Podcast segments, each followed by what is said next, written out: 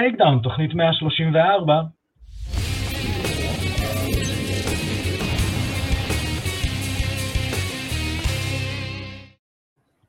ברוכים הבאים לטייק דאון, פודקאסט הימי הרשמי של Fighting IL, הבית שלכם לספורט הלחימה בישראל.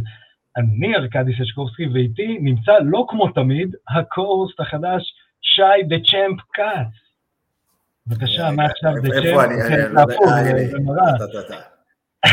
כן, אז אה, שי חגג יום הולדת. עוד לא, אני חוגג עוד מעט יום הולדת. אני חייב להגיד לא שהמתנה הגיעה לפני הזמן. כן, אז אבל אנחנו, למרות שאצל הרוסים אסור לפני הזמן. אה, אני לא לי תזכורת. אצל כן, הרומנים הכל בסדר, מה שאנחנו לוקחים. אצל הרומנים הכל בסדר. איך אומרים, ברומא תתנהג כמו רומני. אה, אז אה, קודם כל אני רוצה להגיד תודה לכל מי שמאזין לנו, צופה בנו בפייסבוק, באינסטגרם, בטיקטוק, ביוטיוב, בספוטיפיי, ב Apple Podcast, ועכשיו זה הסגמנט של עידו, אבל בגלל שהפלטפורמה צריכה לעבור שדרוג, וכי עידו צריך לעבור שדרוג, ועידו יחזור אלינו במהרה, הפלטפורמה היחידה שצריכה לעבור שדרוג, פודקאסט, פודקאסט.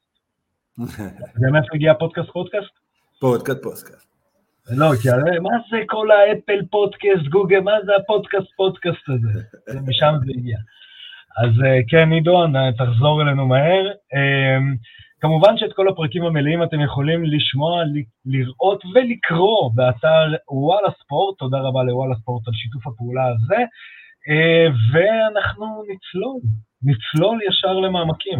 יש לנו, אה, יש לנו הרבה על מה לדבר היום, היה לנו UFC מלמד, אני קורא לו UFC מלמד. לא כל הרעים הם כל כך רעים כמו שהם כותבים בכינוי שלהם. אה, והיה לנו תחרות טאטאמי, בעצם ה prelims של בניית נבחרת ישראל, שתייצג אותנו ב-2023. יש לנו עוד אירוע UFC שמתקרב, הוא בא, סטריקלנד נגד קנוניר, ויש לנו עוד אירוע ישראלי שהולך להיות בסופש הקרוב, uh, MMA Open uh, ב-15 לדצמבר באולם הקריה באשדוד. למרות שאתה יודע מי זאת בירת, בירת ה-MMA הישראלי? באר שבע. פתח תקווה, פתח תקווה. אה, עכשיו זה עבר לפני, נכון. הייתה תקופה שכל האירועים היו בדרום, עכשיו פתח תקווה. עכשיו פתח תקווה. אז uh, קודם כל, uh, כל מי שלא מכיר, ואבוי לכם שאתם לא מכירים את שי כץ, אז שי uh, מאמן השנה יחד עם משה קידר לשנת 2021, נכון? זאת הייתי, 2021. Uh, שי הוא מאמן ותיק בתחום, ממועדון ספרטה MMA בחיפה. שי אימן גם לוחמים שהתחרו באליפות אירופה, ואליפות עולם כבר הספקת או לא? אליפות עולם עדיין לא, כי משה חלה קורונה. נכון, משה חלה קורונה. הוא היה אמור לצאת, אבל הוא חלה. אבל הנה אנחנו מתכוננים לקרובה, לקרובה שבאה. אה, אז אה, באמת, אה, מי אם לא שי? מי אם לא שי? ושי גרם לי לסחוב קרשים לחולון. יותר מזה, קרשים של, של זירות לחולון, הוא אחד הבעלים של ליגת IWC שהיה. בקיצור, מי אם לא הוא יכול לנסות למלא את נעליו הגדולות הגדולות, עידו מידה גדולה בנעליים. כן, בצורה מפתיעה לבן אדם. לגובה, כן. כן. אה, אז אה, כן, אז אה, הבה ונצלול, הבה ונצלול. קדימה, תוביל אותנו. אז היה לנו UFC 282, שהשתנה לנו בו הקרב המרכזי, וניתן כמה תופינים. ראול רוסס, לוחם בן 18 ויומיים בערך, עושה דיביוט ב-UFC אחרי שהוא ניצח בקונטנדר ומנצח את ג'יי פרין אה, בהכנעה. אה, שמע, מגניב, הלוחם הכי צעיר אי פעם. קודם כל חשוב לציין, הוא גם בא מאיימאף, זאת אומרת, דוגמה טובה נכון. ללוחם שהגיע מהשורות של ה-MMA החובבני. היה אלוף איימאף, מאוד מעניין לראות. עשה לפי דעתי את ההסבה, היה באיימאף רק בנוער, לא עשה קרבות מקצועיים לפי דעתי בכלל, כמעט עם מקום לפנים או ממש בודדים, ועשה את ההסבה ממש יפה. זאת אומרת, לוחם מאוד כן. מרשים. Uh, הסיפור, לפי דעתי, יותר מגניב מאשר עדיין הרמה שלו, אבל זה מה שמצופה מילד בן 18. זאת אומרת, אני מקווה, מקווה, מקווה שלא יריצו אותו מהר מדי, וייתנו לו להתבשל. זאת אומרת, אני, אני אוסיף ואני אומר שיצאה איזו תמונה שלו, שהוא בגיל 12 או משהו כזה, שזה היה אתמול בערך, כן. עם רובי לולר על העוגת יום הולדת כן. שלו. כשאתה שם בגיל 12 עוגת יום הולדת עם רובי לולר, ולא עם סמי הכבאי או משהו כזה, בלי להעליב את סמי הכבאי, יכול להיות שהרקורד החובבני שלו מטורף, אבל אם, אם התמונה שאתה שם על העוגה זה רובי לולר, אז כנראה אתה הולך להיות לוחם ביום. תראה, לא רק לוחם, אלא לבחור ספציפית את רובי לולר אומר הרבה עליך. כן, כן. אה, אז אה, זה, זה מגניב, ובאמת, עכשיו, משהו מעניין על הסצנה החובבנית, כולם היו מופתעים מזה שחביב כאילו שלט, ואז הגיע נחיל הדגיסטנים האלה שמתחילים, חביב אמר את זה יפה, מישהו שאל אותו על צ'ארלס אוליברה, שיש לו יותר ניסיון ממחצ'ב, הוא אומר, חבר'ה, למחצ'ב יש איזה 300 קרבות חובבנים מאחוריו. על מה אתם מדברים איתי? איזה ניסיון? כי הסצנה החובבנית באזור אה, ברית המועצות לשעבר היא תמיד הייתה, עוד לפני שהתחילו כל האליפויות עולם וכאלה. זה תמיד היה, אז כאילו, אז זה, זה הבסיס. זה, ודרך אגב... גם ניסיון בקומבט סמבו, בתחרות אחרי תחרות אחרי תחרות. ניסיון נכון. אה, מאוד לגיטימי ושעושה העברה ל-MMA. נכון. אה, אני, אני אתן תופין, אני נתתי אותו מתישהו, ישבתי לשיחה עם פיידור, בלי מתורגמנים, שזה לא הרבה הצליחו, אה, מחוץ לרוסיה, נקרא לזה ככה. והוא דיבר אז, לפני איזה 4-5 שנים, על הנושא הזה שצריך לפתח את הסצנה החובבנית בכל העולם. חייבים לפתח אותה כדי שה-MMA ילך קדימה. אז uh, הנה, ראול רוסס uh, מוכיח, אות, מוכיח אותו צודק, ואת כל המפקפקים, אז הוא מוכיח אותם אחר. Um, נעבור הלאה, אנחנו נעבור על כמה קרבות שהיו יותר או פחות מעניינים. דרן טיל, uh, עידו שלח אותו הביתה לא. בתוכנית הקודמת. אני נתתי לו קצת, אתה יודע, נתתי לו קצת מן הספק. אתה שולח אותו הביתה אחרי ההפסד? אני לא שולח אותו הביתה, אני לא שולח אותו הביתה מסיבה אחת. אוהבים אותו. הוא לוחם מאוד אה, אהוב, אפילו דיינה ווייט במסיבת עיתונאים אחר כך אמר, מבחינתי המניות שלו עלו אחרי הקרב ולא ירדו. מה זה אומר זה אומר שדיינה ווייט לא רוצה לחתוך אותו. דיינה ווייט לא רוצה לחתוך אותו כי יש לו fan base מאוד גדול, והסיבה הכי פשוטה, מעבר ליכולות שלו, דיינה ווייט לא רוצה לשחרר אותו לארגון אחר. דיינה ווייט יחזיק אותו ב roster רק כדי שבלאטור או PFL או כל ארגון כזה לא ייקח לוחם כמו דרן טיל וימשוך קהל אליו. אה, יש לוחמים שהם שווים יותר בתור אה, דמות מאשר הם אה, לוחם, ודרן טיל הוא הדוגמה. הוא מצחיק, אוהבים אותו, הרשתות החברתיות שלו מאוד עמוסות, החיבור שלו עם צ'מאי היה גאוני מבחינתי. סמש בראדרס זה גאוני, אז אני חושב שיש לו לפחות עוד קרב אחד שאנחנו נראה אותו. ותראה, אני, אני אגיד לך את האמת, אני, אני תמיד אומר את זה ואני מתנצל בפני אנשים שחושבים אחרת, אני לא חושב שתאילנד זה מקום טוב להת, לה, להתכונן בו לקרבות. כשלוחם עובר לתאילנד מבחינתי זה לא סימן טוב. אה, כשהוא היה עם צ'מאייב במכון, אני יותר היה לי אופטימיות, שהבנתי שהוא עושה את כל המחנה שלו עכשיו בתאילנד. אמרתי לעצמי, אה, אה. אה. אבל היה קרב טוב, דן הנדי נראה שהוא fighter, הוא לא ויתר עד שהוא ויתר, אבל הוא ויתר. כן, אבל הוא אף פעם לא, לא נראה כמו fighter. אה, ואני אוסיף, לחבילה יש לו אחת המוזיקות הכניסה היותר. נכון, נכון. אז הוא fun, הוא לוחם שהוא כן. fun, הוא בקטגוריה של ה fun ולא באמת contender, עד שהוא לא ידביק את הפער ב grappling שיש לו. כן. זה תמיד יהיה ה game plan נגדו. זה תמיד יהיה ה game plan נגדו. כן, אני, אני אגיד, אני אשמח לשמוע גם את החוות דעת שלך בתור מאמן, בתור איש פינה, בתור uh, מתווה דרך ללוחמים.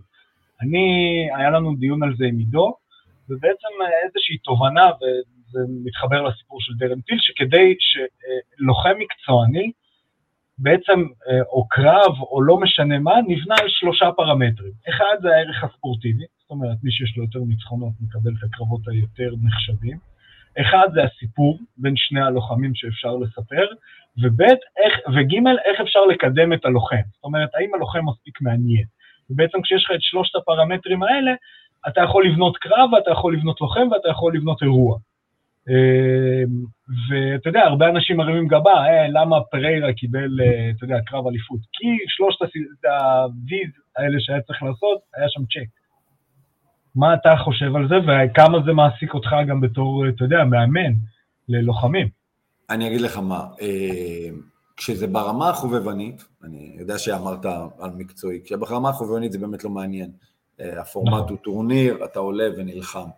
לוחמים מקצועיים ב-low level, זאת אומרת, בתחילת הקריירה, קרבות ראשונים, זה באמת לא משנה. זה אותו דבר, אתה יותר עסוק בלהשיג את הניצחונות, את השלב הראשון שדיברת עליו. כמובן שאם אתה מעניין, אם אתה נלחם בצורה מעניינת עם נוקאוטים או, או מרגש, והסיפור שלך מגניב, זה, זה מוסיף, אבל עדיין בתור לוחם מתחיל זה פחות חשוב. מתישהו אתה חייב לעשות הקפיצה. מתישהו אתה חייב לעשות הקפיצה של להוסיף עוד משהו לניצחונות שלך. כדי שאנשים יכירו אותך. אנשים מבלבלים לחשוב שהרמה שלך בתור לוחם, יש לה קשר לכמה כסף אתה מרוויח, שהם לא מבינים שלוחם מקבל כסף לא על היכולת שלו להילחם, אלא על כמה הוא מוכר. זה הספורט המקצועני. כי אתה בספורט, זה ארגונים פרטיים, הם צריכים להרוויח כסף ממך. אם הם לא מרוויחים כסף ממך, אתה לא שווה כסף. אה, אז, אז חד משמעית אני חושב, קח את דרנטיל, דוגמה מצוינת. הוא, הסיפור שלו והדמות שלו ומה שהוא מביא מעבר לניצחונות יותר מעניין אפילו, ברמה שהוא עכשיו לפי דעתי כמה, ארבע, ארבע הפסדים, זה היה חמישי היה, לא זוכר אפילו, אה, ולא חותכים אותו. פעם היית מספיק שלוש הפסדים, עפת מהארגון. היום, אה, היום... זה הפסד חמישי בתוך שישה. היום אתה יכול לבוא מניצחון ושיעיף אותך אם אתה משעמם. כן. אם אין לך את הערך המוסף הזה. ואני חושב שלוחמים מתחילים להבין את זה. יש לוחמים שלא מפנימים את זה, כשנדבר על הקו המרכזי, נדבר על האלה שלהם. לא, אני גם, אני גם אגיד, הדוגמה הקיצונית לזה, ואני בכוונה נותן קיצונית, כי שם דווקא החלק הראשון לא רלוונטי, זה דילון דניס, יימח שמו. אה, הוא, הוא אמר, אני עם 1-0 יותר פופולרי מלוחמים שהם 30-0. נכון. הוא צודק. נכון. השם שלו יותר שגור אצל אוהד MMA נכון. מאשר אצל מישהו אחר. נכון. אבל אה, לקבל מכות מבאונסר זה באסה. זה לא... הוא מהרגע שכל השם שלו נבנה על החיבור עם קונור, והוא לא... היה לו, כזו מקפצה שהוא יכל לנצל, והוא פשוט התרסק איתה. זאת אומרת, זו דוגמה לקחת בתור מובן מאליו את מה שניתן לך בקלות. נעבור לעוד קרב, אה, אני אגיד אותו במילה, כי לאשתי יש יום הולדת בסוף שבוע, אז אני חייב לפרגן לארגנטינאים, אני חייב לפרגן לארגנטינאים. אה, אז סנטיאגו פונזניביו מנצח בנוקאוט, ותשמע, זה לדעתי אחד הדברים שה-UFC אולי קצת מפספסים, הוא מגניב, הוא חפרן, כמו רוב הארגנטינאים, חוץ מאשתי, שהיא גם שומעת, היא מאזינה לפודקאסט. היא קדושה. היא קדושה, נכון. אה, אבל אה, הוא חפרן, אבל הוא מגניב, והוא תמיד בא להילחם, ואני נכון. חושב שיש פה איזה פספוס, כי לא שמענו על הרבה לוחמים ארגנטינאים, אז זה עוד איזה מדינה שאתה, אתה יודע, גם מדינה שמתקשה היום, גם בפן הכלכלית, הם יכולים לרכב עליו, וכל הפוסט אינטרוויו שלו על המונדיאל, מגניב. קודם כל היה קרב פצצה. קודם כל היה כן, קרב פצצה. כן, הוא תמיד מביא קרבות פצצה, אין לו קרבות משעממים.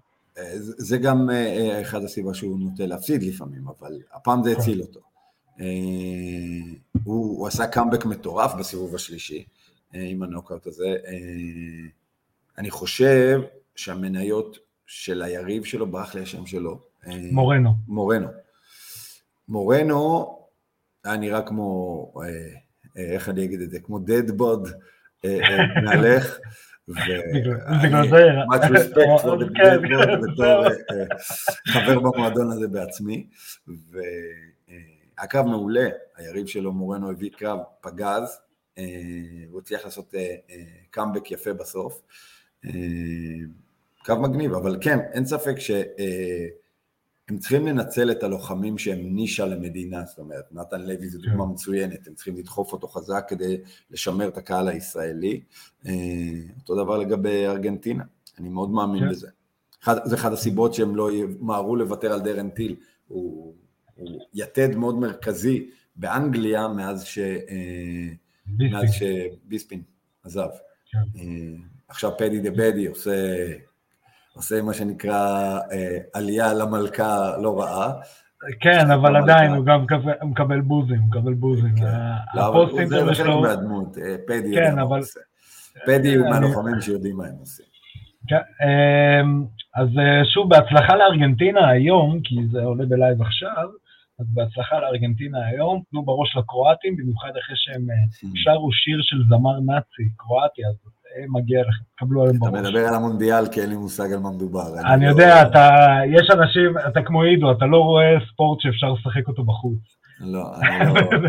אם אנשים בוכים כשמרביצים להם, זה לא בשבילי. משהו כזה, מתגלגלים על הרצפה. כן, נכון. אה, נעבור לפאדי נאצו בדי פימבלט נגד ג'רד גורדון. תופין לפני הזה, תופין, אני חייב לטפן. אני משמין אה, רק מהתופינים שאתה זורק פה. כן, כן, יש לנו, זה תוכנית תופינים. אה, כמו שיודעים המאזינים, אני חלק מצוות שיפוט של איגוד ה-MMA הישראלי, והיה לנו ויכוח. אנשים לא מבינים כמה אנחנו, אה, מה שנקרא, בודקים בציציות, כאילו, אחרי כל אירוע, אחרי כל סיבוב, שולחים אחד לשני סיבובים להתקיל אחד את השני בשיפוט. וראיתי את ה score card, ונתנו את הסיבוב הראשון לפדי.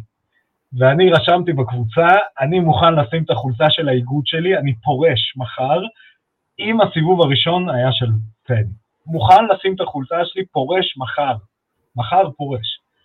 סבבה, ואני מקבל הודעות בפרטי, לא, תראה, אולי נגיד ו את זה ככה. אמרתי, אין בעיה, תשלחו את זה למי שאחראי אה, שופטים והכשרות ב IMMAF, אה, תבדקו. כן, לסקוט, סקוט מיינרד. מקבלים הודעה של שתי מילים, גורדון won. זהו, אני כזה, יש, החולצה נשארת אצלי. אה, אז כן, אני לא יודע מי השופטים שהיו.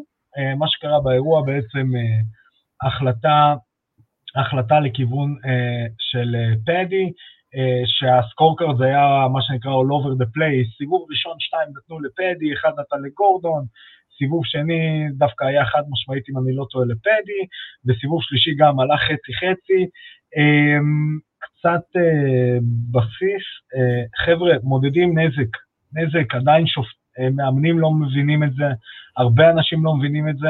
זה שמישהו רוכב על הגב של מישהו במשך ארבעה סיבובים, ואם היה נזק בקרב, לא נספר, לא נחשב, לא מעניין אף אחד, שום לא מסתכלים על זה, ב, זה כלום, זה כלום, זה כאילו הם עמדו. אני אגיד לך מה, ארכדי, בתור מאמן, בתור מאמן אה, אה, שמאמן חבר'ה להילחם, אנחנו הרבה פעמים עושים את השינוי הזה של להבין מה חשוב בקרב, לא רק על פי החוקים, אוקיי? כי החוקים אומרים בבירור כבר אה, כמה, זה שונה דרך אגב, אבל החוקים בשנים האחרונות אומרים damage לפני הכל, אם ה damage שווה, תסתכל על הקריטריונים האחרים.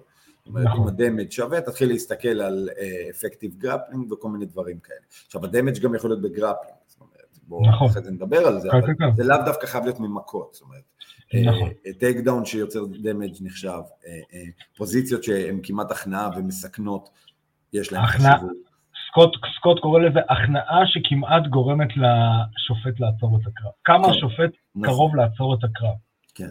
אז בתור מאמן, אני אומר, עד שאנחנו לא רואים מספיק קרבות מנוקדים בצורה הזאת עם התייחסות לדמג', אנחנו, אנחנו אומרים סבבה החוקים, אבל אנחנו רואים מה עובד ומה לא.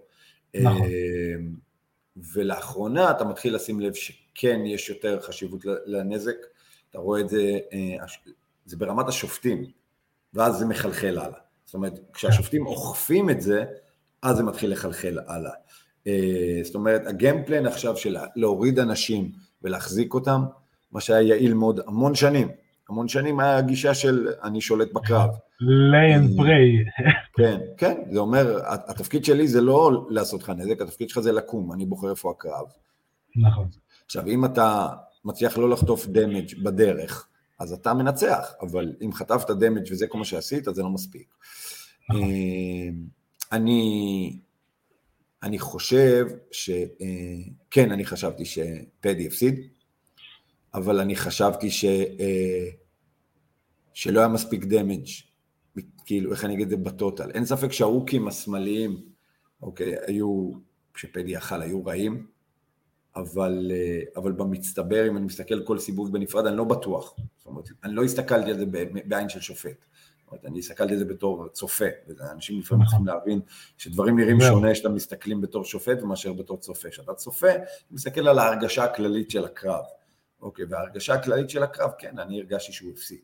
אבל, אבל לא הסתכלתי על הקרב הזה בעין של שופט שבאמת בוחן רגע כמה מכות הוא פגע, כמה הוא פגע, להבין קצת יותר, לתזמן יותר את הזמן שליטה ביחס וכמה נזק היה לקרקע, לא, לא, לא הסתכלתי על זה, ובקרבות הקרובים זה באמת אה, אה, קשה לדעת, אז ככה ש... נכון. אני יכול לחיות עם, עם ההחלטה הזאת או אחרת, אני חייב להגיד אבל פה משהו שהוא מאוד חשוב ללוחמים. אתם יכולים לראות את זה בלוחמים הצעירים שמתחילים להבין את המשחק, יכולים לראות את זה על פדי, אתם יכולים לראות את זה על שון אומאלי, הם מבדילים בין מה שקורה בזמן הקרב לבין מה שקורה אחרי הקרב או לפני הקרב. זאת אומרת, הם מבינים שהמכונה השיווקית שלהם עובדת נונסטופ מהרגע, ש, אה, אה, מהרגע שנגמר הקרב, או מהרגע שהוכרז קרב. זאת אומרת, הם עובדים, הם עובדים. ומה זה אומר עובדים? שזה לא משנה ל brand שלך, היושרה שלך. פדי לא חושב שהוא רמס את היריב שלו, אבל זה לא משנה. הם יודעים נכון. לקחת החלטה, ניצחתי, זהו, זה מה שהולך להיות רשום לנצח ברקורד שלי, ועכשיו הם הולכים למכור את אותו סיפור, לא משנה איך.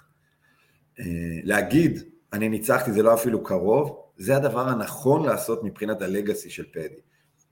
אני ואתה ראינו את הקרב, אנחנו זוכרים בו, נכון, הוא לא ממש ניצח, אבל זהו, נגמר. כשיוכרז הקרב הבא של פדי, אנחנו נשכח מה היה בקרב הקודם, אלא אם נהיה הייטרים ונגיד, אה, לא, יחשפו אותו הקרב הזה. אבל אם גם קרב הבא לא יחשפו אותו, כל מה שנאמר על הקרב הקודם נמחק, ונשאר רק הניצחון. נכון. אז, אה, אז היושרה כביכול שלך בתור ספורטאי היא סבבה בין חברים, אבל היא לא, היא לא מביאה כסף. אני, לא אני אוסיף על זה, יש, יש, יש שלושה סוגים של, וזה דווקא לקוח מ pro-wrestling, אבל אה, אתה יודע, pro, אה, UFC זה pro-wrestling פשוט, עם לא, לא קבוע מראש, מה שנקרא, not predetermined. אתה יכול להיות babyface, זה לוחם שאתה מעודד, אתה יכול להיות heel, ו heel יש כמה סוגים. יש heel שאתה ממש רוצה להיות כמוהו, כי הוא מגניב והכול, אה, ריק פלייר, ויש heel שאתה רוצה לראות אותו מפסיד. נכון. זה וזה וזה מוכר. נכון. יש heel אה, כתם קקע בתחתון, של ג'ון ג'ונס, שאתה לא רוצה לראות אותו כבר. אבל זה heel אחר. ג'ון סירב להיות heel, זה הסיבה. נכון, הוא סירב... אם ג'ון ג'ונס היה הולך full heel, תקשיב, הוא היה לוחם אחד הכי... כאילו, הוא היה מטורף בכמה שהוא אמור. נכון. אם הוא הולך full נכון. heel, אם הוא היה אומר על ה... שלי כולם, אני אה, עושה סמים, עושה הכל ועדיין מנצח אתכם. כשהוא אמר את זה לדניאל קורמייה, כשהוא אמר לדניאל קורמייה במסיבת עיתונאים, עם הקוקאין, נכון? אני הייתי על קוקאין וניצחתי אותך, זה אחד הדברים הכי טובים שהוא אמר. נכון. כשהוא מנסה להיות נכון. הילד הטוב ואלוהים, ואני בעזרת חסדי האל, אני... זה לא... אני לא אפספס את הזקנה הבאה. בדיוק. כן. אתה מבין? הוא כן. צריך ללכת פול היל לפי דעתי, והוא יהיה, עם הכישרון שלו, הוא חד משמעית יהיה הלוחם הכי גדול בכל הזמנים. נכון, אבל אה, אתה יודע, עכשיו הוא ב-go away hit, מה שנקרא. אה, הוא לא חסר לנו, ועידו עד עכשיו אומר, הוא לא יילחם. זכור מה אני אומר לך, הוא לא יילחם. לא, הוא יילחם, הוא יילחם, הוא יילחם. אני לא יודע, אני לא יודע. בינתיים רק נופלים הקרבות. אני חושב אה, שאנשים מבינים שזה לא כזה פשוט להילחם מולו, והם מבקשים הרבה. אתה מבין? אני לא חושב שהוא הבעיה, אני חושב שהם הבעיה. יכול להיות. גם מיוצ'יץ' וגם... אה, אה, מיוצ'יץ' לדעתי פורש. השמועה אומרת שיש שם איזה טראומה קשה מדי. הוא עדיין ברייטינג, שזה מפתיע אותי, אבל הטראומה קשה, הבנתי שיש שם משהו. כל עוד הוא במאגר USADA, מבחינתי אני, אני משאיר אותו ב... ב... מה שנקרא ב... בציפייה שהוא בכיס, יחזור. בכיס, אנשים כן. שלא רוצים לחזור יוצאים ממאגר USADA, זה יותר מדי... אה, אה, הם יוצאים ממאגר USADA, אוכלים עשאי מקסיקני, ואז חוזרים למאגר USADA, ואומרים, לא, הנה, אני נקי. נכון, נכון, נכון. מה שאמרתי על טי.ג'יי דילשו, אחי, טי.ג'יי דילשו כן. לא פרש. טי.ג'יי דילשו אמר, תנו לי הפסקה מיוסדה עד שאני מחלים מהפציעה הזאת. בדיוק. אה, לא, אבל הנה, קונור מגרגור אולי חוזר במרץ, למרות שדיינה ווייט... קונור הראה להם את השיטה הזאת. אני בחוץ, אני מחלים מפציעה. מה זה, מה זה, הוא אכל כבד, הוא אכל כבד חי. אה, הוא המלך של הכבד. הוא המלך של הכליה נראה לי, הוא הלך על פליות שם. אמ, אז אה, זה היה אה, פדי נגד גורדון. נעבור למיין איבנט of the evening. יאן בלחוביץ' נגד... קודם כל אני אגיד לך מה. דיינה ווייט לכלך על הקרב הזה, ואמר שזה היה קרב נוראי, בלה בלה בלה, זה היה קרב פצצה. אני לא מסכים עם זה בכלל. שלושה סיבובים ראשונים. הכל, הכל, הכל, זה לא משנה, היה קרב פצצה. זאת אומרת, מי שאוהב את הספורט, אני מאוד הערכתי את מה שהיה שם, אני לא מסכים עם ה game plan של אה, אנקלייב, היה אה, game plan לא נכון, נכון, לחשוב שהוא, כאילו, עם הכוח של יאן, אה, לחשוב שאתה תעמוד איתו, כשיש לך כלים כל כך יותר טובים בקרקע, זה לא ברור, אבל uh, הוא עשה את ההתאמה. עכשיו בואו, אני, מעניין אותי לשמוע, מה דעתך על הקרב? על, תראה, על התוצאה. על, על התוצאה, אם, אם אני חושב שזה תיקו, אני אגיד לך את האמת, זה יישמע רע בתור מישהו שזה, לא אכפת לי.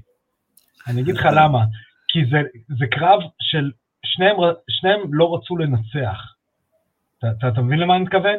זה לא, זה לא, שניהם ניסו לא להפסיד, אבל אף אחד לא ניסה לנצח. זאת אומרת, אם יאן היה אומר, אוקיי, נשאר לי איזה 10 מיליליטר דלק בטנק, ואני מתחנזר עליו סיבוב שלישי, אז הוא מנצח, הוא מנצח ב-TKO, הוא כאילו, הוא גומר אותו.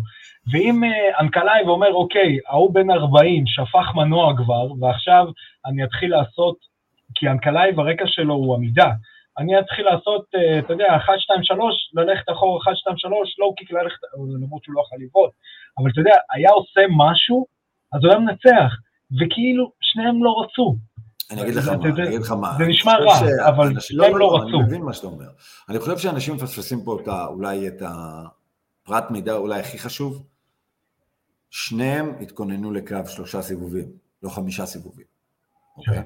בגלל שהם הפכו להיות אה, אה, קרב אה, על החגורה והמיין איבנט, בהתראה קצרה, זה הפך להיות חמישה סיבובים.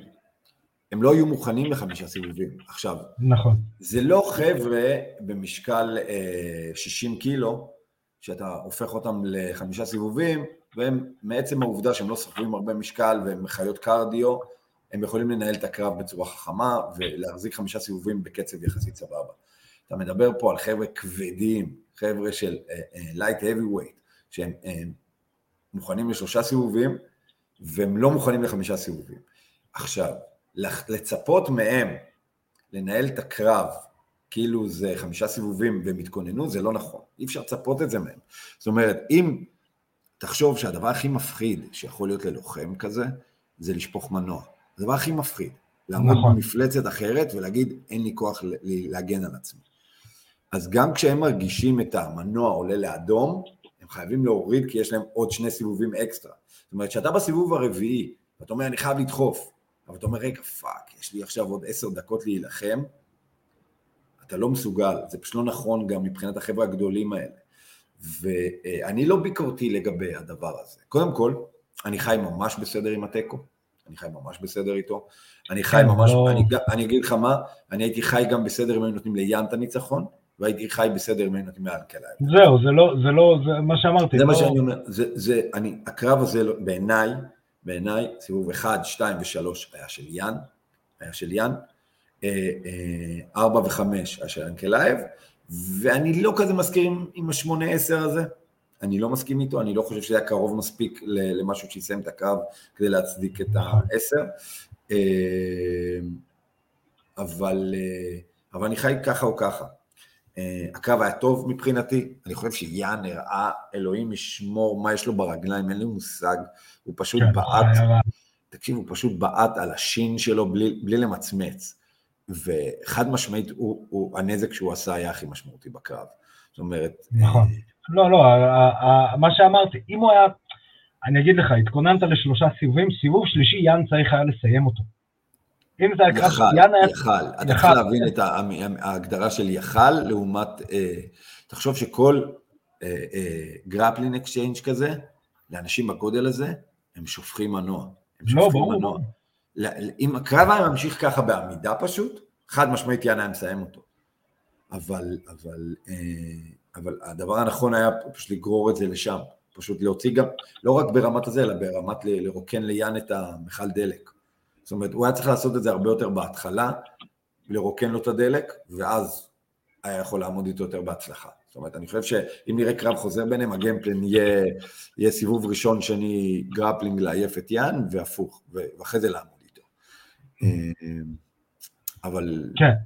זה כן, מבחינת לא, הקרב. אני- מה אני- מה חי- דעתך על- על- על על הראיון אחרי? זה מעניין. של דיינה ווייט? לא, לא, על הראיון ש... ש... אה, ש... אה, ג'ו רוגן ראיין אותם, ואיך יאן הגיב להפסד, ואיך אה, אה, אנקלייב הגיב, סליחה, לא להפסד, לתיקו. אני אגיד לך, אה, כאילו ב bro science שלי אמרתי, וואי, איזה גבר יאן, אתה יודע, ג'ו רוגני כזה. זה הברו סייאנס שלי. בדיוק. ה-MMA שלי אומר, מה אתם עושים? מה צ'ל סונן לימד אתכם כל השנים האלה? תמכרו את הקרב הבא. תמכרו את הקרב הבא. אתה מבין? תמכור את. הרימץ'. אני חושב ש... ש... אה, שהפינה שלו פישלה פה, תראה איך אני, אני אגיד את של זה. יאן? כי- כן, זה של יאן. סיינס. לא שהפינה שלו פישלה, הפינה חייבת, ברגע הזה הפינה היא הקול השפוי. אתה גמור, אתה, אתה מיקסט אמושנס, אתה כולך כן. מרגיש. עכשיו, גם ליאן אין יכולת לשפוט קרב של חמישה סיבובים בראש שלו, הוא לא זוכר חצי מהסיבובים. הוא זוכר שזה יסתיים כשרומסים אותו. נכון. אבל, אבל זה לא משנה, זה לא משנה. השופטים אמרו שזה תיקו.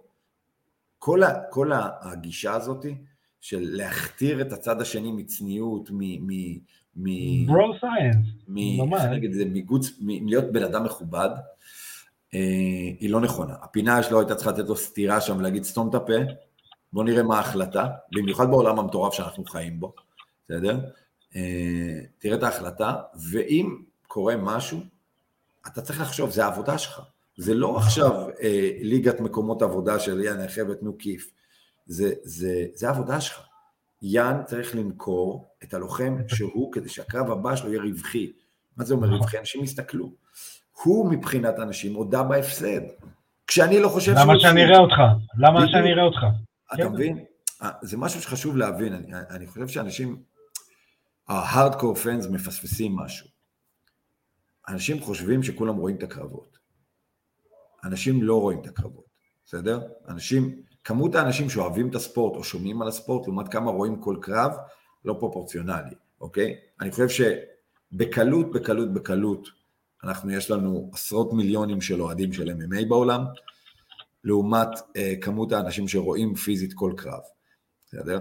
זאת אומרת, לדוגמת הקרב הזה, אם במצטבר בכל העולם ראו אותו, עם, עם הלינקים הלא חוקיים, עם הרימצ'י, עם ההסתכלות בחוזר, עם הזה, בלה בלה בלה בלה בלה בלה, יראו אותו בטוטל אולי שתי מיליון איש.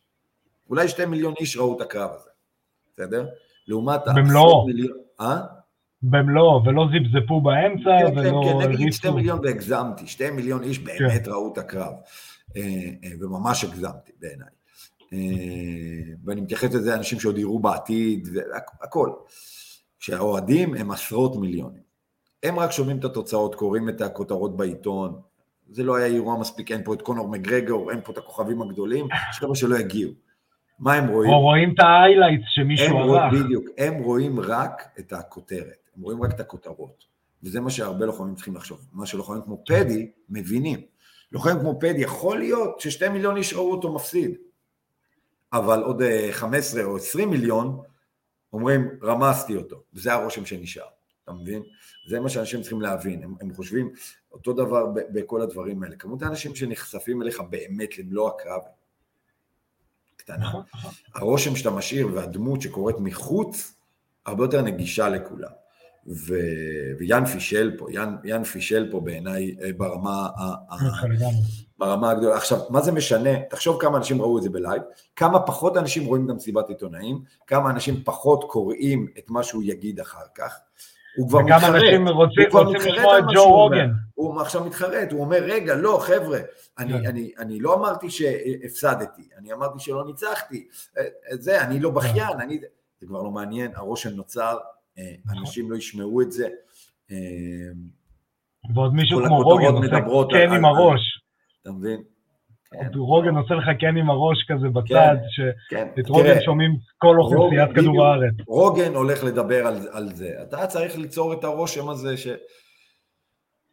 זה, זה חבל שאנשים לא מבינים את זה. זה, כאילו, זה טוב לא, שלא לא. כולם מבינים את זה, אתה יודע, לא, יכולים, לא כולם יכולים להיות כוכבים, אחרת כאילו לא היה לנו כוכבים, אם כולם היו. אבל אה, אין ספק שהם צריכים ללמוד איך להתבלט ואיך זה, וזה השיעור. זה היה באירוע אחד, שיעור איך לא להתנהג נכון. מצד ין ואיך כן להתנהג מצד פדי. זה כאילו ממש, הלוחמים הצעירים צריכים להסתכל. עכשיו, עזבו את, ה, את השטויות של פדי, תבינו את המנטליות, תבינו את, ה, את מה שמעבר, בסדר? זה, זה מה שאני חושב שהלוחמים הצעירים צריכים להבין, זאת אומרת, אה, אנשים צריכים ללמוד למכור קרבות. צ'ל סונן, הקרבות הכי משעממים על כדור הארץ. בואו נגיד את האמת. הכי משעממים. אתה רוצה לראות את הקרב הבא שלו. אתה רוצה נכון. לראות, אתה מחכה לפייט אינטרוויו, אתה מחכה ל-Q&A ב-UFC. אתה, אתה לא רואה אותו בגלל הקרב, וזה מה שאנשים לא נכון. מבינים. אתה לא רואה נכון, אותו נכון. בגלל הקרב, אתה רואה אותו בגלל הסיפור. אתה רואה אותו בגלל, נכון. אתה, או שאתה, או שאתה איתו במסע, שאני צריך את הניצחון, אז כל מה שמעניין אותך שהוא ינצח, לא מעניין אותך איך, נכון. או שאתה איתו נגדו במסע, וכל מה שמעניין אותך זה שהוא יפסיד. ואז אתה שמה כדי לראות אותו מפסיד. אז הקרב עצמו פחות מעניין, אתה מבין? זה, זה קטע גאוני שאנשים נכון. נכון. יש לנו כל כך הרבה MMA, אנחנו יכולים לראות MMA בארץ, יכולים לראות MMA ב-UFC, יכולים לראות בבלאטור, יכולים לראות ב-PFL. למה לא רואים? סיפור. ש- הקרב הטכני הוא, הוא, הוא באמת, במקרים הנדירים שאתה לוחם, יעני מרהיב, הדסניה, הקרב הטכני מעניין. אבל גם כן, ברגע שהקרב הטכני מעניין, זה גרם לסיפור שלך להיות מעניין. אה, אני, אני אגיד יותר מזה, תחשבו, אה, רו, אה, סונן באחד המסיבות עיתונאים נגד אנדרסון סילבה, הוא אמר, אני הולך לנסות להוריד אותך לקרקע ב-20 שניות הראשונות. המטרה שלך לנסות לעמוד. אם אני לא אצליח, ניצחת. הוא אומר לך שהולך להיות לו קרב משעמם, ואתה עדיין הולך לראות את זה. כי זה לא ה- משעמם, זה, זה הנקודה. כן, זה, זה, הוא לא משעמם, אה, אה, הוא משעמם טכנית, נקרא לזה ככה, אבל הוא לא משעמם זה מה. שאנשים אה, מפספסים פה, שזה לא מה שעושה קרב מעניין, אתה מבין? Mhm. אני ראיתי את כל הקרבות של סונן, ואני לא חושב שהיה לו קרבות משעממים, אני מאוד נהניתי מהקרבות שלו, בגלל הסיפור. סיפור. הוא מוכר לך את הזה, ואתה איתו, אתה איתו, אתה מבין? אה, נכון. תחשוב כמה אה, סרטי אקשן, אוקיי, יש לך, שיש, הם מלאים באקשן מטורף, הם פשוט משעממים. לעומת זה, יש לך סרט עם סיפור טוב, אקשן קצת, וזה אתה אומר, בוא נעשה סרט פצצה. זה, זה מה שאנשים צריכים להבין, שאנחנו פה בבידור וב storytelling, לא באגרופים ובעיטות. נכון. אה, אז זה היה אירוע UFC 282, קצת aftermath, המס אמפטמין של אחרי. דנה ווייט סוגר את הקרב תש- תשיירה נגד ג'מאל היל אה, בשיא לא העצבים. הבנתי את המהלך הזה, אני אומר לך את האמת. גם אני לא. את המהלך. הוא היה צריך stick to his own uh, words, הוא תמיד אומר, אני לא קובע קרבות ישר אחרי אירועים, והוא לא. עשה פה טעות. היה פה משהו. היה פה משהו שאנחנו מפספסים, היה פה משהו, היה פה, זעם, היה פה להראות כן. משהו, אני לא יודע למי, אני לא יודע למי, נכון. אה, אבל היה פה spite, היה פה, אני עושה את כן. זה דווקא. אה, ג'מאל היל אמר שהוא קיבל את השיחה על הקרב עוד בזמן שהם היו בכלוב. עוד בזמן שהם היו בכלוב, הם עוד לא יצאו, עוד, עוד אנשים לא התאפסו, כבר הם סגרו את הקרב הזה. אז כן. אה, היה שם משהו, פספסנו שם משהו. יש- אני, אני, יש אני לא איזה- בטוח שאני מבין את המהלך הזה לגמרי. יש איזה אני גם לא אירוע... מסכים איתו. אני לא ברור, מסכים איתו. חד משמעית. אני אגיד אפילו, אני אתן דוגמה קיצונית יותר למקרה דומה. היה אירוע ב-ACA בצ'צ'ניה, כן, הלכתי רחוק, אבל ממש, ה- כן. רמזן קדירוב אה, שהוציא טוויט שרץ כזה על דיינה ווייט, הנה אתה, מה אתה עושה, תן אותה כן, חבורה, ראיתי. אתה תהיה... אז אה, הוא נתן דוגמה שם שהיה אירוע בצ'צ'ניה, כן, אני גם מכיר את זה. האירוע שהבעלים נכנס. התערב. שהתערב, נתן את החגורה ויצא. כן. זה לא נראה טוב. זה לא נראה טוב. זה- זה זה-. זה, מה שהוא אמר במילים אחרות, תהיה מושחת. כן, כן, כן, כן. אני לא- אחליט בסוף, ש- אני הווינס מקמן של ה... זה- זה לא נראה טוב. כן, כן. זה לא נראה טוב. גם תעמוד מאחורי המילים שלך, אל, אל תקבע קרבות. אחד הדברים שאני אוהב ב-UFC זה את העובדה שהם מחויבים למועצת אתלטיקה, והשופטים לא שלהם, וצריכים נכון. להתמודד עם מה שיש. אם דנה ווייט חושב אחרת, הדבר היחידי שיש לו זה לא להוריד מהערך של הלוחם בסידור קרבות הבא, ולתת לו את ה win bonus שלו. זה כן. הכוח של דנה ווייט. אה, מסכים איתך לגמרי. אה, אז זה היה אירוע UFC 282. נעבור לכמה מילים, כי זה, אתה יודע, לא איזשהו אירוע מכונן, אבל עדיין יש שם כמה מילים. אה, UFC Fight Night קונניר נגד סטריקלנד ב-17 בדצמבר. לפי דעתי בוא נדבר רק על המיין איבנט, כל השאר די... כן, האמת שכן, למרות שיש יש לוחם אחד שאני אומר בואו נשים עליו עין, זה אדמיריס מרגולוב. סבבה, אה, מקבל כן. הוא, אתה יודע, הוא רוכב על חמישה ניצחונות uh, ב-UFC, היה אלוף M1, uh, אה, יש לו הפסד אחד בקריירה מתוך 25 קרבות, נתנו לו את צוקריאן כדי שצוקריאן יקבל מכות ואפשר יהיה להפשיר אותו. זה, זה קרב שהוא לא כזה מעניין כי זה קרב stepping stone. נכון, אבל זה לוחם מאוד מעניין. כן, כן. יאללה, The Bad Boy סטריקלנד נגד ג'רארד קונניר. אני מאוד אוהב את שון סטריקלנד, אני מאוד אוהב אותו ואני חושב ששון סטריקלנד... הוא האל בנדי של ה-UFC. אני לא יודע מה הוא אחי, אני פשוט אוהב אותו, אני, הוא דמות, הוא דמות, הוא דמות כן. הגישה שלו, שקודם כל, אנשים שמכירים אותו, אומרים שהוא בן אדם הרבה יותר נחמד מהדמות שהוא המפגרת שהוא מצייר, מספרים עליו רק דברים טובים. אה, הוא לא גזען, הוא לא זה, אבל, אבל אוהבים לצייר אותו ככה, הוא ממש נראה כמו איזה רדנק. הייתי, אה, ש... הייתי, הייתי במקומו נכנס עם שיר של קניה ווסט, נשבע לך. אני לוקח איזה צעד קדימה, נכנס עם שיר של קניה ווסט. יש לו מנטליות של בוא נריב מכות, ואין לו בעיה כן. ללכת מכות עם כל אחד. אה, בקרב האחרון שלו הוא יצא מפגר בעיניי, ממש לנסות לעמוד עם פאר, זה לא ברור. אני, אני רק שתדע, אני מבין אבל מה, מה, למה זה גרם לו. אם תראה את הקרב בלי לדעת מי זה פריירה. תנסה לראות את הקרב בלי לדעת מי זה פריירה. עומד יציב, רגליים צמודות, הולך ככה. אתה יודע, הוא כמו מאפנט אותך לזה של, אני לא יודע ללכת מכות באמת. כן, אבל אתה יודע מה הבעיה? הבעיה היא שאתה יודעת שהמפלצת הענקית הזאת שגדולה מכולם בקטגוריה, יודעת ללכת מכות. כן. ויש לו כוח אה, לכבות לך את האורות כמו שראינו. ו... אה, אז, אז כאילו, פשוט גיימפלן מפגר. זה לא כן. ברמה, תקשיב, זה לא ברמה אפילו של אני חייב להוריד אותו לקרקע כי, כי אני או רוצה לעמוד איתו או קרקע. זה MMA, זה MMA. אנשים חייבים לאיים לפחות ב takedown כדי לקחת משהו מהעמידה. אחרת, אתה פשוט בקרב עמידה. וזה העולם שלו. מספיק שתיקח לו את החשש, הוא צריך לדאוג עכשיו הוא יגן, takedown שתיים, יגן אותם אפילו, יישאר בעמידה, כבר המצב שלך יותר טוב. כבר תעייף אותו, הוא לא רגיל בידיים, הוא לא כל החיים שלו grappling, הידיים מתחמצנות, אתה מוריד לו המון כוח. היה אני מבחינתי, היה צריך בעשר שניות הראשונות לחפש takedown, אבל לא משנה, בואו נדבר על הקרב הקודם, נדבר קדימה. יש לו עכשיו את קאנוניר. הוא וקאנוניר קו פצצה. קאנוניר נראה סתם, זה, זה נראה כמו כל דמות uh, שמתה בסרט שאתה בוכה בסוף. נכון? בכל מיני טרמינטר 2, המדען. יש לו גם good guy vibe כזה. יש לו good guy vibe. הוא נראה כמו הגיבור אקשן שנועד למות. נכון, כמו המדען בטרמינטר 2, אתה זוכר אותו? כן, של עם היד שווה, הוא בול. קשה ככה לפני שהוא יתפוצץ. נכון. אה, אבל זה יהיה קרב פצצה, זה יהיה קרב טוב, זה יהיה קרב של כן, פצצים. כן. Uh, אני חושב שקאנוניר uh, אוהב, מה שנקרא, לקחת את ה backseat ולא להיות אגרסיבי. סטריקלנד הולך לבוא סופר אגרסיבי לפי דעתי, uh, ויהיה כיף. זה לא קרב ששורד שלושה סיבובים, לדעתי לא, כי mm. שניהם, שניהם, שניהם, הם, הם לא ידועים ב cardio, אז לדעתי שניהם הולכים לתת פשוט... לא, לא נכון, לא נכון. אני חושב שהם לא ידועים ב cardio, אבל, אבל סטריקלנד הוא לא דועך. זאת אומרת, הוא זומבי. זומבי, נכון. ויש לו defense טוב, למרות מה שראינו בקרב האחרון, יש לו defense טוב. זאת אומרת, אני, אני, אני לגמרי רואה אה, אותו אה, אה, גורר את זה למים העמוקים ושם מסיים את קנוניר. אני גם חושב שסטריקלנד מסיים. זה גם חמישה סיבובים. גם אני רוצה, כן, אני רוצה לשמוע אותו נכנס עם שיר של קניה ווסט, ואני רוצה, זה, ואני רוצה לשמוע את ה post fight interview. זה, כמה דברים על זה. אמ, יאללה, בואו נעבור קצת למדינתנו הקטנה.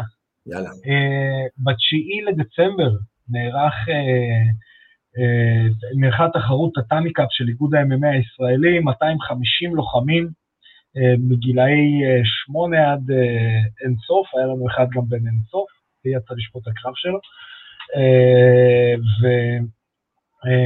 ויום תחרויות מטורף, מטורף. שמע, שי, אני אתחיל עם שאלה, אתה יודע, קצת לא קשורה לאירוע הזה ספציפית. אם היו אומרים לך, כשסחבת קרשים לחולון, שיהיה אירוע של 250 לוחמים מישראל, בזה, ויגיעו, ויהיה תחרויות, ויהיה זה, כמה אתה אומר אנחנו רחוקים מזה וזה לא יקרה? אני אגיד לך מה, וזה האמת, אני אגיד לך עכשיו את האמת, אני לא האמנתי ב-MMA חובבני כל כך, אני לא האמנתי בזה. זאת אומרת, אני, אני, אני לא, לא, ראיתי את ה, לא ראיתי את היתרונות שהוא מביא. אה, היום אני, אתה יודע, אני מגדול התומכים של MMA חובבני פה בארץ ובאמונה בזה, ו...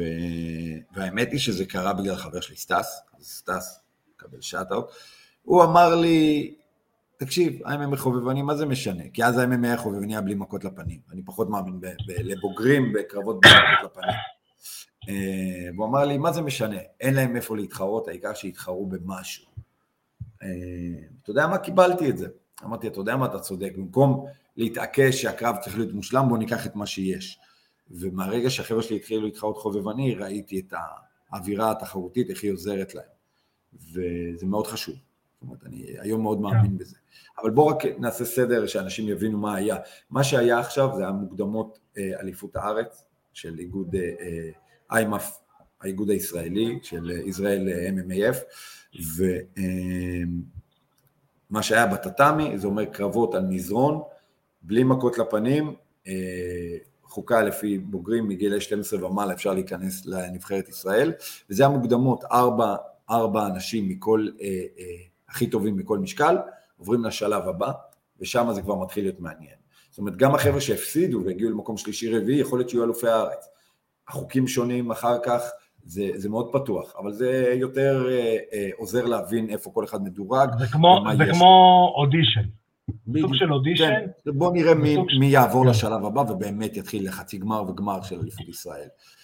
אה, אני אגיד כמה דברים טובים, אני אגיד כמה דברים פחות טובים. אה, אני אתחיל בדברים הפחות טובים. הגענו למצב שיש בארץ כמה אלופים דומיננטיים. זאת אומרת, יש כמה אלופים דומיננטיים, אוקיי, לדוגמה, אני אקח את משה שלי ב-65 קילוגרם לבוגרים מעל גיל 21, הוא דומיננטי, ואני אמרתי למשה עוד לפני שהתחיל את זה, אמרתי לו, אתה תראה, אף אחד לא יירשם במשקל שלך. וזה מה שקרה. מכל הארץ, אף אחד לא נשק... נכנס למשקל שלו. אה, כי אמרו, טוב, משה פה, הוא ינצח את כולנו, אף אחד לא האמין שיכול לנצח את משה. וזה טעות, וזה טעות, נכון. חבר'ה, זה טעות. קודם כל, אתם תמיד יכולים להפתיע, זה קרב MMA, במיוחד עם מכות לפנים. ב', כמו שצריך אנשים להתאמן עליהם, אז כאילו, כן. בואו להילחם. אבל, אה, אבל גם הניסיון שאתם צוברים מלרוץ וגם מלהפסיד, זה חובבני, זה לא נספר לרקורד שלכם, זה חובבני. מעצם זה שתעמדו בכלוב עם אחד כמו משה, זה יכריח אתכם להשתפר, אתם תרגישו את הרמה ותשתפרו. זאת אומרת, יותר מזה, שי, כמה... אל, לא... תחכו, אל תחכו שלוחם כמו משה או יבגני או, או החבר'ה הדומיננטיים האחרים יעברו למקצועי ואז תגידו התפנתה קטגוריה בוא נתחיל. חבל לכם כן. על הזמן, חבל לכם, אם אתה מעל גיל 21, לא, חבל לך על הזמן, מבין? זה, זה הפלטפורמה. יותר מזה, ש... שי, שאלה, בתור מישהו שאימן אה, לוחם אחד או שניים בחייו, כמה, לא- כמה אה, עברו אצלך אנשים במכון שהם חיות במכון, חיות רעות, מגיעים לתחרות עיניים עליהם, ווייט בלט במתנ"ס נאות חביבה. כל לוחם, זה... לא משנה כמה הוא טוב, כל לוחם, לא משנה, לוקח לו כמה קרבות לפני שהוא מתחיל להביא חצי ממה שהוא יכול, לא, לא את כן. מה שהוא יכול. נדירים החבר'ה שקופצים לתוך הכלוב והם מרגישים שם בבית. ואני אומר לך את זה באמת, אני ויש לי לוחמים שמרגישים, תראה את משה, הוא אוהב ללכת מכות, משה אוהב ללכת מכות, זה, זה מה שהוא אוהב. הוא, ו... הוא עמד על הפודיום בבאסה, אני ישר כן. אמרתי, זה הדבר הכי מפחיד בעולם שאפשר לעשות. נכון. זה לעמוד אה, מקום, ולא מקום ראשון בבאסה. נכון, תראה, תראה את הפרצוף של המקום הראשון, הוא גם היה בבאסה, הוא יודע שהוא יחטוף מכות באליפות עולם. אבל, אבל מה שחשוב, באמת, זה, זה להיכנס, להתנסות, להתחרות. תביאו את החבר'ה, חבר'ה כולם, ילדים, בוגרים, נוער, לא משנה מה, תביאו אותם. המאמנים בעצמם, אני אגיד uh, עוד אני משהו. אני אתה אומר 250, אני אומר וואו, יפה, היו שם צריכים להיות 500. נכון. המון מועדונים יותר... לא מגיעים, אני לא מבין למה. אני לא מבין אפשר, למה. אפשר לראות גם את ההבדל בין מאמן שעשה כמה תחרויות ומתחיל להבין, למאמן שאתה יודע, עשה פה תחרות, שם תחרות ועדיין לא... אני, אתה יודע איך שפטתי קרב, ואז באמצע הקרב אחד המאמנים שכבר יש לו ניסיון להתחרות באיימאף, אה, אה, המאמן של צ'ובר, זה לא היה בקרב של כן. צ'ובר, זה היה בזה, צועק, חבר'ה נזק, אני צריך לראות, אני צריך שתייצרו נזק, ואני כזה מסתכל באמצע, וואו, איזה עצה טובה. נכון. אתה יודע, נכון. פתאום עצה טובה, פתאום זה לא כזה, תשמור על פוזיציה. אוקיי, שישמור על פוזיציה, אני מה אכפת לי, קרב משעמם לשפוט. אבל זה היה כזה, תייצר נזק, זה מה שצריך, ואתה כזה רואה ילד בגיל 15-16 פתאום מבין איך הוא צריך להילחם, וזה רק מאמנים שכבר עברו דרך ועברו הבנה מסוימת, אה, אתה יודע, בכל, בכל הדבר הזה. אה, כן. חכה רגע, אני שנייה ממשיך איתך. אין בעיה, אין בעיה. אה, אני רק אגיד כמה דברים על, על עוד, עוד על התחרות הזאת. בתחרות הזאת בעצם... כן, בדיוק באתי להגיד עוד כמה... היה צרחות פה בחוץ, אז... אה, אין שום בעיה. אה, אני אגיד עוד כמה דברים על התחרות הזאת, בעצם בתחרות הזאת גם שפטו השופטים אה, שמוכשרים לשפוט את התחרות הזאת, זאת אומרת שעברו את הקורס, שעברו כבר דרך, חבר'ה, סתם שתבינו, יש שופטים באיגוד ששפטו כבר מעל, אני מעריך, אל תפסו אותי במספר המדויק, מעל 300 סיבובים. אוקיי? אני לא מדבר על קרבות, כי טאטאמי זה סיבובים. גם, גם אני ראיתי, גם ברמת, הלוחמים, קודם כל הדברים הטובים, גם ברמת הלוחמים, הרמה עולה, תקשיב, הרמה עולה משנה לשנה. זאת אומרת, אם הייתי במקום ש, שהייתי לפני שנתיים שהתחרנו באיימאף, אני ראיתי מאוד ברור איפה החורים של כולם, אני גם רואה שהם סוגרים את החורים, החבר'ה. זאת אומרת, זה מאוד יפה. ברמת השיפוט, חד משמעית השופטים משתפרים. אני אומר לך את זה באמת. אתה יודע, גם אתה אחד מהם, השופטים משתפרים, ויש לכם עוד דרך לעשות, אוקיי? יש לכם עוד דרך לעשות, אבל השופטים משתפרים, זאת אומרת, זה ממש כיף לראות את זה. אה, נדבר על זה גם כשנדבר על ה-MMA Open, אה, על זה שאתם גם כן. שופטים שם, אז אני רוצה לדבר גם על זה אחר כך, נכון. אבל אה, לא שיש לנו הרבה זמן, כי אנחנו כבר 50 דקות בולסים את השכל. לא, לא, הנה, אנחנו כבר עוברים ל-MMA Open. אז, כן. אז רק דבר אחרון להגיד לגבי המוקדמות, יש קטגוריות ממש מעניינות חבר'ה. תסתכלו בחצאי גמר, תסתכלו בגמרים שיהיו, יש קטגוריות מעניינות. אני אתן ככה תופין, כמו שאתה קורא לזה. תופינים. תסתכלו על קטגוריית 77 קילוגרם ב-18 עד 20. 18-20. קטגוריה טל דיין, לא? טל דיין, צ'ובר, בסדר? יש את יונתן של מושיק, יש שם נכון. חבר'ה פגז, ומי שניצח, מי שניצח את הטאטאמי זה צ'ובר, דניאל צ'ובר, שעלה מול טל דיין בגמר לקרב שהוא פגע, זאת אומרת, טל דיין בעיניי, הוא עכשיו לוחם שעבר מהנוער לבוגרים, והוא לוחם פצצה, לוחם ג'ו-ג'יצו ברמה מאוד גבוהה עם עמידה אחלה, יש לו אפילו נוקאוט בביתה לראש בטאטאמי. וגם לצ'ובר יש נוקאוט. צ'ובר יש נוקאוט עם דרך לגוף. תקשיב, צ'ובר לא מפסיק להפתיע אותי לטובה, אני אומר לך את האמת. הייתי בפינה שלו באליפות אירופה, הייתי, הוא הפסיד בקו הראשון, אבל אלוהים ישמור איזה קרב מלחמה הוא נתן, אני אומר לך, אנחנו, צ'ובר הוא מרשים אותי כל הזמן מחדש. וטל דיין יודע שהוא תותח, אז כאילו, זה מעניין, אני חושב שהם יהיו בגמר ויהיה לנו קרב גמר פגע, זה, זה בעיניי כרגע הקרב הכי מעניין שיש ב... זה הולך להיות קרב פיצוצים. זה הולך להיות קרב פיצוצים, ולי יצא לשפוט שתי קרבות של אה, צ'ובר, באחד מהם ראיתי אותו לא נכנע ל buggy choke, שהיא tight, שהיא כאילו perfect, והוא פשוט לא נכנע, והוא אומר לי, אני בסדר, ואני רואה אותו כולו אדום כזה, עולה, אני בסדר, הכל בסדר. ושפטתי גם את הנוקאוט אה, בברך, שהיה כזה, מי כן. שמכיר את... אני ראיתי את זה מהצד. ב Street Fighter, או, זה היה יפה. היה כן. זה הנוקאוט הוא- Street Fighter. צ'ובר זה ילד שהלך הרבה מכות. רואים, עזוב אותך זה ילד שהלך הרבה מכות. אני אוהב נכון. את הילדים האלה. אני אוהב את הילדים נכון. שהלכו הרבה מכות ויש להם את האינסטינקטים האלה של לחסל אותך. נכון. אה, יאללה, נעבור לעוד אירוע ישראלי שהולך להיות בסוף שבוע הקרוב, יום חמישי. אני חושב שאנשים לא מבינים איזה אירוע טוב זה הולך להיות, איזה כן. אירוע ש- אה, של אה, ברמה גבוהה זה הולך להיות. קודם כל זה האירוע הראשון ל Fight Pass שיש לנו פה בארץ, שזה מגניב בפני עצמו, אבל זה פחות מעניין אותי, אני אגיד לך את האמת, זה פחות מעניין אותי כי Fight Pass סבבה, זה, זה ב Fight Pass, אבל, אבל תבין את הקליבר של החבר'ה שיש לנו פה.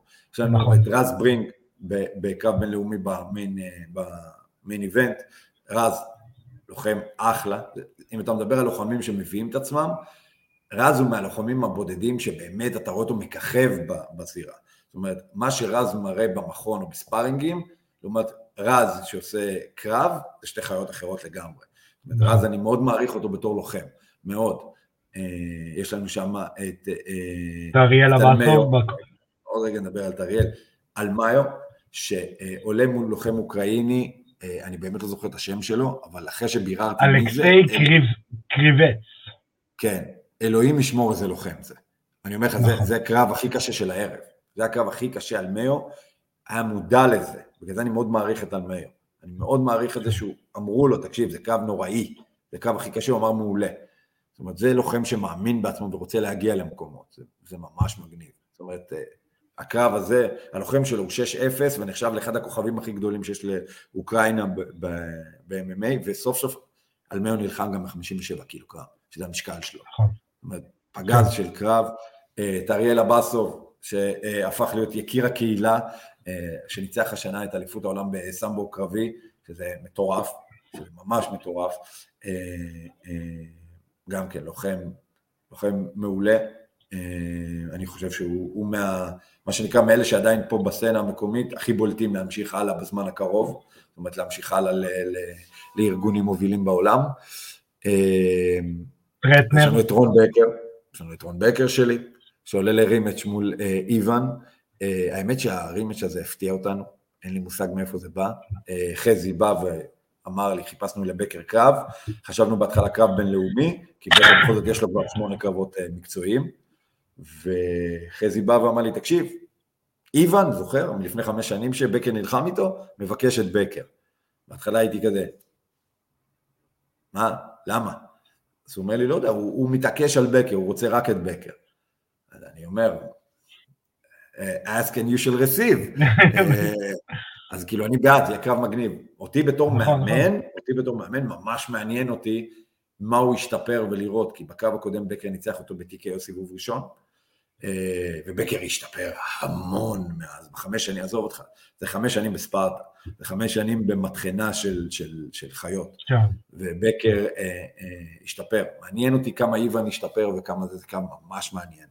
אה, איוון בחור מאוד פיזי, בחור מאוד חזק. אה, אני תמיד אמרתי, אני לא מחביא את ה game plan של בקר, בקר הולך להוריד אותו ולהכניע אותו. אז אה, בוא נראה אם איוון יכול לעצור את זה. אה, ויש את איתי טרטנר, שגם מגיע אחרי ניצחון באשקלון, נכון. אה, שהולך להילחם נגד לוחם מאזרבייג'אן, שזה גם, אנחנו עכשיו עברנו על הלוחמים, זה כמעט כל הלוחמים בטופ הישראלי חד משמעי. המקומי, חד משמעי, יש לך כוכבים שאתה אפילו לא יודע עליהם שהם כוכבים. שהם לא חתומים, נקרא לזה ככה. כן, לא, יש לך בחור, ברח לי השם שלו, אלון משהו, אלון, אה, אלון. נועם אלון? נועם אלון, יכול להיות? כן. חבר'ה, הוא striker מפחיד. תקשיבו, באמת, הוא, הוא לא מוכר, ולפי דעתי אולי זה קרב ראשון שלו אפילו, הוא striker מפחיד. יש לך אה, אה, עוד, אה, יש לך עוד כמה קרבות, יש שם כמה strikerים ממש טובים, אני באמת אה, אה, קטונתי מלזכור את השם עוד, עוד. כוכב איימאף שהולך להילחם שם, אה, שצמח מה- מהמקומי, והוא הפך לסוג של כוכב, אה, שו- אה, שוקי סאדר, אה, שהולך להילחם, זה יהיה קרב חובבני, זה הקרב שיפתח את הערב, אבל זה מגניב שכאילו גם על הסצנה המקומית החובבנית, אנשים הופכים להיות כוכבים. זה גם פלטפורמה, אני לא יודע כמה שוקי כוכב, אני באמת, אה, לא, לא, קטונתי. מלהבין את- אה, זה, הוא אה, לוחם, הוא לוחם שהשאיר את החותם שלו קצת בזה, בזירה, כי חבר, חברים שלי באו אליי שאני, אמרתי את זה לעידו תמיד, אני שם שתולים בתוך הקהל, אנשים שבחיים לא ראו MMA. קבוע, לכל אירוע אני שולח בן אדם שתיים שלא ראה בחיים MMA, משכנע אותו, לך תראה, והם אה, זכרו את שוקי מזה, מקודמים, ואז אני אומר, אוקיי, זה סטאר פאוור, זאת אומרת, הם זכרו את השם אחרי כן. קרבות. נכון, זה המדד האמיתי, חד משמעית, נכון. מקבל את זה, זה המדד האמיתי. אז, אז אה, זה, ואני עושה את זה בכל אירוע. ככה עשיתי גם באשקלון, והיה זה, ואת, כן, אני עושה את זה בכל אירוע כמעט, כדי לקבל פידבק לא מ... אתה יודע, מוח שכבר נטחן אה, אירועי MMA וכאלה. אז חברים, אשדוד, ב-15 לדצמבר, אה, תגיעו, תתמכו בס... כן, יום חמישי, תתמכו בסצנה המקומית, אה, זה יהיה מגניב ליאורה, ליאורה. אה, שי, יש אצלנו מנהג, כל תוכנית, או אני או עידו, ובמקרה של אורחים, אז אורח נותן המלצה לסרט או סדרה. אז המלץ לנו. חייב אומניות לחימה, או שאני יכול קומנדות רומנטיות שירגשו אותי? אתה יכול uh, love is actually עם uh, לא, לא, לא, נשאר באמנות לחימה. אני אמליץ לכם על uh, נשיקת הדרקון של ג'ט לי. מ- כן, מ-2001. אה, זה ה prime ג'ט לי בעיניי. סרט פגז. מי שאוהב מכות ברמה טובה, עם קצת נגיעות של old school. סרט פגז, סרט אקשן. יש שם סצנת אקשן שכרוכה בצוואר, נשיקה וסיכה. נכון. ועכשיו תנסו למצוא איזה סצנת נכון, אקשן. נכון, כל השם של הסרט הוא לא ברור עד סוף הסרט. כן. אבל נכון. הדרקון, אבל אה, חד משמעית, סרט פגז, מי שאוהב אומנויות לחימה, לא יכול לא ליהנות מהסרט הזה, יש שם סצנות קרבות, פגז, העלילה סבבה, כל הסרט קורה בפריז, אז יש לו אווירה בינלאומית. אה, בינלאומית. ואני מאוד אוהב את הסרט הזה, זאת אומרת, זה אחד הסרטים שאז הייתי חייל, אני מספיק זקן, כי ב-2001 יש פה חבר'ה שעוד לא נולדו שרואים אותנו, אבל ב-2001 כבר הייתי חייל. אה, אני ממש אהבתי את הסרט הזה, ראיתי אותו בקולנוע, ואז ראיתי, אה, אז ראיתי אותו נונסטופ אחר כך בתור, עוד שלמדתי קונג פו, אבל... זה לא? אמ, אני אשאל אותך שאלה, חזרה לקולנוע, כמה אתה מתרגש מג'ון וויק 4? אני אגיד לך את האמת, כן. האמת, ממש. לא, ממש. אני חולה על ג'ון וויק. תראה, אני חד משמעית חושב שהראשון היה הכי טוב. יש סצנה בראשון אה, אה, שג'ון וויק אה, נתפס והם קושרים אותו על הכיסא והוא נפגש עם הבוס הרע וסצנת הבבא יאגה אחד הסצנות הכי טובות שיש. הקטע שהוא אומר לבן אדם, תביא לי את הבן שלך, אני אהרוג אותו, ואז יהיה בסדר. כאילו, זה סצנה ברמה, המשחק שם ברמה... אז אני הולך, אני הולך ל-blow your mind again, אז אתה בטוח יודע שיוצאת סדרה על הקונטיננטל. אה, באמת? לא, לא ידעתי. כן, אז הנה בבקשה, שלושה פרקים, שעה וחצי כל פרק. אה, מגניב, יעני מיני סיריס כזה. כן, כן, מיני סיריס כזה, ויוצא ספין-אוף יחד עם קיאנו ריבס על הבלרינה מהסרט השלישי שנופלת, שהיא גם הולכת להיות אה, רוצחת, וקיאנו ריבס הולך לשחק שם, אז אני מתרגש. כן. אתה יודע מה, אני דווקא אוהב בשנים האחרונות שאנשים הבינו. שיש לא פחות כסף בטלוויזיה ובסטרימינג, ומתחילים להפיק תוכן ממש איכותי לפרנצ'ייזים הגדולים, כמו, כן. כמו במארוול, כמו בסטאר וורס יוניברס, זה, ממש אחלה, אני, אני מבסוט מזה ברמת התוכן. אה, אז זהו, זה כל מה שהיה לנו להיום והיה לנו מגניב, אז אני רוצה להגיד לך תודה, שי, שפינית מזמנך, שי The Champ Cut, תעקבו אחריו ברשתות החברתיות, אה, אתם רואים אותם על המסך, מי שלא רואה, אה, שטרודל, ספרטה, MMA חיפה, וכמובן, תודה רבה שאתם צופים בנו, עוקבים בנו בפייסבוק, באינסטגרם, בטיקטוק, ביוטיוב, בספוטיפיי, באפל פודקאסט, גוגל פודקאסט, בפלטפורמה שבתקווה תחזור לתוכנית הבאה. פודקאסט, פודקאסט, זה היה בשבילך עידו, פעם הבאה אני לא עובד בשבילך ואומר פודקאסט, פודקאסט, זה התפקיד שלך עידו פריאט. אה, כמובן שאת כל הפרקים המלאים אתם יכולים לראות, לשמוע ולקרוא באתר וואלה ספורט, תודה רבה לוואלה על שיתוף הפעולה הזה. אה, אז חברים, שנמשיך לראות קרבות רק בזירה. תשמרו על עצמכם, נתראה בתוכנית הבאה. אני הייתי ארכדי סצ'קובסקי, פקה.